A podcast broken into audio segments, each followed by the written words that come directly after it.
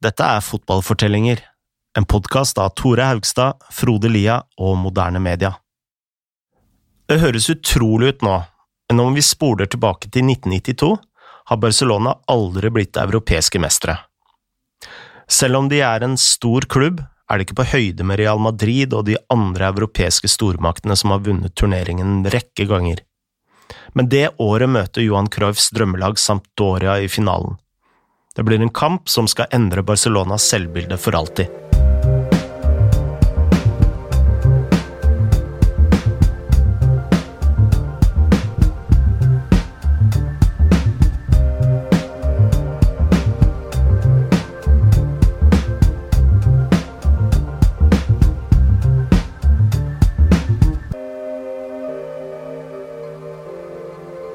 Tore, innen 1990 har Johan Cruyff trent Barcelona i to år uten å vinne ligaen. De har nettopp havnet elleve poeng bak Real Madrid, og normalt sett vil jo dette være nok til å gi en Barcelona-trener sparken. Absolutt. Men når Barcelona slår Real Madrid i den spanske cupfinalen, redder de også jobben til Cruyff. Ja, og i forrige episode snakka vi jo om denne ballbesittende stilen til Cruyff. Uh, denne var jo enormt krevende å lære, og det at Barcelona vant denne finalen, kjøpte Cruyff mer tid. Og det var veldig, veldig verdifullt. Men eh, Barcelona mestret etter hvert Cruyffs spillestil langt bedre enn de gjorde de to første årene. Ja. Og i tillegg hadde vel Cruyff gjort en del gode signeringer? Ja, i 1989 hadde han kjøpt Ronald Koman og Mikael Laudrup. Koman var jo denne pasningssikre midtbanespilleren da, som Cruyff satte ned i forsvaret. Laudrup var en elegant playmaker som gjorde laget mer uforutsigbart. Og så, så kom Risto Stojkov.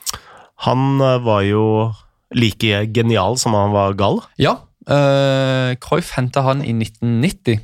Og uh, En av grunnene til at han ble henta, var visstnok at Cruyff syntes at han hadde for mange snille spillere. Og Stoico var liksom, hadde, han hadde det spanjolene kalte for mala leche, altså dårlig melk. Det vil dårlig si at, melk? Dårlig melk. Uh, det vil si at spilleren, altså det er en spiller som gir litt juling, kanskje litt etterslenger. En som mm. du heller vil ha på ditt lag Skjønner. enn på motstanderlaget. Litt som Diego Costa? Diego Costa han er et prakteksempel på Malalic. Og Storchkov var et annet godt eksempel. Mm. Uh, I hans første kamp mot Real Madrid ble han utvist for stempling. Mm. Men hør nå. Det var ikke på en motspiller, det var på dommeren. Jeg har aldri hørt om det før. Nei, nei, eh, det er definisjonen på kanskje litt for, for dårlig melk, kan du si. Ok, Men nå hadde altså Barcelona gode spillere og fått det spanjolene kalte dårlig melk. Og ikke minst, de hadde hatt eh, to år med Cruyff. Mm. Hvordan gikk det på banen etter hvert? Uh, det gikk jo mye bedre. I Cruyffs tredje år vant de ligaen med ti poengs margin. Det var jo altså første gangen på seks år at Real Madrid med La Quinta del Bitre ikke vant ligaen. Og ikke minst, ett år senere skulle Barcelona klare det La Quinta aldri maktet. Mm. De skulle bli europeiske mestere. I 1992 kommer Barcelona til finalen i Champions League. Det står mer enn et trofé på spill. Storheter som Real Madrid, Ajax, Liverpool og AC Milan har vunnet turneringen flere ganger. Barcelona har aldri klart det. Nei, men de har vært veldig nærme. Vi snakka jo om den eh, bitre finalen de tapte i 1961, da de hele tida traff stolpen mot Benfica. Riktig. Men et enda verre tap hadde kommet i 1986. Da hadde Barcelona spilt finalen mot Steaua Bucuresti fra Romania. Klarte de å nå finalen? Ja, med all respekt for fot rumensk fotball, så var det litt overraskende at Steaua nådde den finalen. På veien dit så hadde de møtt Veile, Honved FC Kusysi og Anderlecht. Altså lag fra Danmark, Ungarn, Finland og Belgia. Det er vel eh, definisjonen på en eh, heldig trekning? Ja, og altså, ikke nok med det heller, men altså, for Barcelonas del, finalen ble spilt i Sevilla. Altså, Tribunen var stappa med spanjoler. Altså, de, de, spilte i praksis på hjemmebane. Det burde jo ha vært en eh, formalitet for eh, Barcelona. Ja, det burde jo det. Eh, men de ble jo tatt fullstendig av nerver. Kanskje var det fordi det sto mye på spill, at de aldri hadde vunnet denne turneringa, at Real Madrid hadde vunnet den seks ganger. Uansett så skalv de av frykt. Det ble 0-0 ekstra etter ekstraomganger. Og i straffekonken brente Barcelona hvert eneste skudd. Hvert eneste skudd. Hvert eneste skudd. Tidenes verste straffekonk. Gjengen fra Romania vant 2-0. Med andre ord, et lag fra Romania vant Champions Et League. lag fra Romania vant Champions. Så selvfølgelig, da Barcelona nådde en ny finale i 92, så snakka jo alle om dette tapet. Det var igjen masse med nerver, eh, og nå skulle jo Barcelona i tillegg møte et italiensk lag, Sampdoria. Og italienske lag hadde jo rykte på seg for å være gode defensivt. Og Sampdoria hadde jo et fantastisk lag på den eh, tiden. De hadde jo spillere som eh, Roberto Mancini, Gianluca Vialli eh, som spisspar, blant annet. Ja, ja, altså, de var jo, de var jo livsfarlige. Og, så Barcelona hadde jo grunn til å være nervøse her. Men de hadde jo en trener da som ikke så ut til å la seg påvirke av noen ting. Like før avspark så skal Cruyff ha vært fullstendig iskald. Og hva var det siste han sa til spillerne før, han gikk ut, før de gikk ut på banen? Det vet jeg. Det var 'gå ut og kos dere'. Gå ut og kos dere. Et av Cruyffs mest kjente sitater. Men vel, eh, det var jo ikke slik at Barcelona gikk ut med lave eh, skuldre og feiet Sampdoria banen. Altså det, det var sikkert Cruyff sin hensikt, at de bare Mm. skulle slappe av og kose seg og spille den fotballen de kunne så godt. Men uh, Barcelona skårte ikke innenfor 90 minutter. Uh, det sto 0-0 uh, når de begynte på ekstraomganger. Og til, på tribunen da så var visepresidenten til Barcelona, Juan Gaspart, så nervøs at han forlot setet sitt og låste seg inn på toalettet. Men så skåret mannen med Tintin-sveisen, Ronald Coman, på et fantastisk frispark, og Barcelona vant 1-0. Ja. Og vi har snakket med Jonathan Wilson om hva akkurat denne seieren betydde for Barcelona psykologisk sett. all those Barcelona fans and a lot of those players who come through the youth system had grown up thinking the European Cup, that's the thing that Real Madrid win. You Real Madrid at that point had won it, uh, what, six times. Barcelona never won it. And so finally to win the first European Cup, I think wa- was, was a huge moment for the club. Barcelona vinner altså Champions League for første gang i 1992. Men de vinner ikke bare i Europa. Nei, eh, de gjør ikke det. Eh, det er jo lett å tro at Barcelona liksom nesten kun vant Champions League fordi den tittelen var så viktig for klubben. Og selvfølgelig selve navnet Drømmelaget kom jo fordi USA sitt basketballag lekte seg til OL-gullet akkurat den sommeren. Ja, for det var, det var det året Barcelona arrangerte OL. Mm, riktig. Hva med La Liga i 1992, da? Nei, eh, sesongen var ikke over selv om Barcelona hadde vunnet Champions. Uh, nå for tida så er det jo sånn at de spiller ferdig ligaene før de begynner med finalen. Riktig. Men uh, det var iallfall én serierunde igjen. Uh, så Barcelona dro tilbake til Spania for å avgjøre ligaen. Og de hadde fortsatt en liten sjanse til å ta tittelen.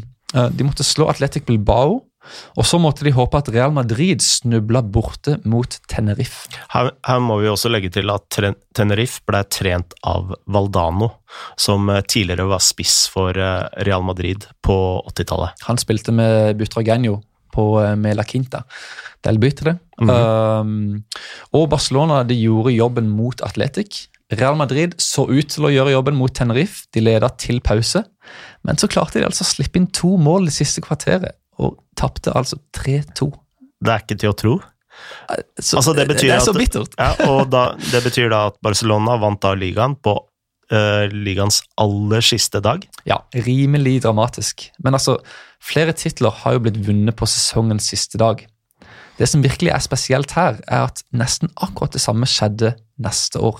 At Barcelona vant tittelen igjen på ligaens siste dag. Ja, men også at de vant igjen mot Real Madrid, og at Valdano igjen var involvert. Um, I 93 måtte Barcelona slå Real Sociedad, og Real Madrid måtte igjen gå til Tenerife og vinne. Mhm. Igjen tapte de, og dette var Valdano igjen, da. Og igjen tapte de, denne gangen 2-0. Igjen tok Barcelona tittelen på siste, da. Altså, da må man jo spørre seg hva i alle dager hadde Real Madrid gjort mot Valdano? det virker som han var på tidenes hevntokt. Ja, ja herre min. Eh, og, og det, altså det, så jo ut som Valdano virkelig hadde noe imot sin gamle klubb, men visstnok var jo Valdano fortsatt glad i Real Madrid. Det var bare det at han måtte være profesjonell og prøve å få sitt lag til å vinne. Og det må jo ha vært veldig vanskelig for han å ta tre poeng i disse to kampene her. Og så har vi jo 93-94-sesongen. Mm. Det er vel denne sesongen som på mange måter er det estetiske høydepunktet til uh, drømmelaget. Ja, altså det er liksom den sesongen hvor de virkelig angriper, angriper med alt de har og skårer masse mål. Uh, og det hjalp jo veldig at Cruyff kjøpte Romario, som var helt ustoppelig. Altså, Han skårte 30 mål den sesongen. Uh, og tre av disse kom mot Real Madrid på kamp nå i januar, mm. i en kamp som Barcelona vant 5-0. Jeg har sett litt på resultatene til Barcelona den sesongen, og altså, de varierte enormt. Mm. For eksempel, i februar tapte de 6-3 mot uh, Saragossa, mm. og i neste runde slo de Osasona 8-1. ja, ja, ikke sant. Um, og Barcelona Totalt sett så skåret vel Barcelona 91 mål og slapp inn 42. Um, og, uh, men altså, igjen det er jo ikke det store her, da. Uh, for igjen, det høres ut som jeg finner på det her, men igjen da, så skulle tittelen avgjøres i siste runde. Det høres ut som en uh, dårlig B-film. Ja, det er som klisjé på klisjé på klisjé. på klisjé. Ja. Men dette er da sant, uh, og heldigvis for Valdano så var det ikke han som skulle ut i manesjen denne gangen. Barcelona kjempa mot Deportivo og måtte altså slå via, mens de håpte at Deportivo skulle avgi poeng mot Valencia. Og hva skjedde da? Barcelona gjorde igjen jobben. De vant 5-2. Og hva med Deportivo? De Altså sto, Kampen mot Valencia det sto 0-0 med ett minutt igjen. Så fikk Deportivo straffe. Altså, de var ett poeng, altså Vinner de den kampen, så vinner de La Liga, og de vet det. De er ett spark unna å vinne tittelen. Ikke noe press på han som skal ta straffen, med andre ord? Nei, jeg tror ikke jeg hadde hatt lyst til å ta det straffe. Um, og Problemet til Deportivo var jo at ingen helt visste hvem som skulle ta det. Det klare førstevalget var brasilianeren Donato, men han hadde blitt bytta ut. Nestemann var Bebeto, men han turte ikke. Så ansvaret gikk til Miroslav Dukic, som var midtstopper. Og han bomma. Han bomma, så for tredje år på rad vant Barcelona tittelen på siste dag. Men du veit hva de sier, eh, Tore? et godt lag har uh, mye flaks. ja, det kan du trygt si. Når Barcelona feirer sin fjerde strake ligatittel i 1994, er det fortsatt mer igjen av sesongen. Drømmelaget har nådd en ny finale i Champions League. Snart reiser de til Aten for å møte Fabio Capellos Milan. Ja, og Fabio Capellos Milan sto jo for det stikk motsatte av det Barcelona gjorde. De hadde nettopp vunnet Serie A ved å skåre 36 mål på 34 kamper. Altså litt mer enn ett mål i snitt, og likevel vinner de tittelen. Ja. Og disse kontrastene går ikke uh, forbi pressen? Nei, Spansk presse skrev at Milan ødela fotballen med denne grusomme italienske, kyniske catenaccio-silden. Mm. Mens Real Madrid var liksom, nei, eh, Barcelona selvfølgelig var englene som spilte fotball på en liksom forbilledlig måte, og som angrep og underholdt og liksom forførte fansen. Og eh, En spansk avis publiserte faktisk et bilde av Cruyff hvor han holdt trofeet, som om Barcelona allerede hadde vunnet tittelen. Og hvis eh, jeg kjenner Capello riktig, så kan det ha vært med å fyre, fyre henne opp bitte lite grann. ja, Capello var rasende. Uh, han brukte dette bildet til å fyre opp Milan for alt det var verdt. Ok, Men hva med selve kampen? Nei, uh, Capello sin strategi fungerte utmerka. Uh, Barcelona virka helt utslitte, kanskje etter å ha vunnet ligaen på siste dag osv. Mens Milan de løp rundt som villmenn, og til slutt vant Milan 4-0. Altså Når man snakker om en Champions League-finale, så er jo det en uh, total kollaps. Ja, og dessverre for Barcelona så ble jo det vendepunktet for Cruyff. Um, den sommeren kasta han ut flere spillere. Romario ble snart solgt. Laudrup stakk til Real Madrid. Og de neste to årene vant ikke Barcelona noe annet enn en spansk supercup. Ja, og innen 1996 var det slutt for Cruyff. Mm. Han uh, følte seg sveket av styret og to kamper før sesongen var slutt, fikk han sparken. Ja, og det ble jo en dramatisk slutt på en, et utrolig kapittel i Barcelonas historie. Og vi bør legge til her at innen det hadde Valdano vunnet ligaen som trener for Real Madrid. Dermed fikk han i det minste retta opp noe av skaden han hadde påført med Tenerife.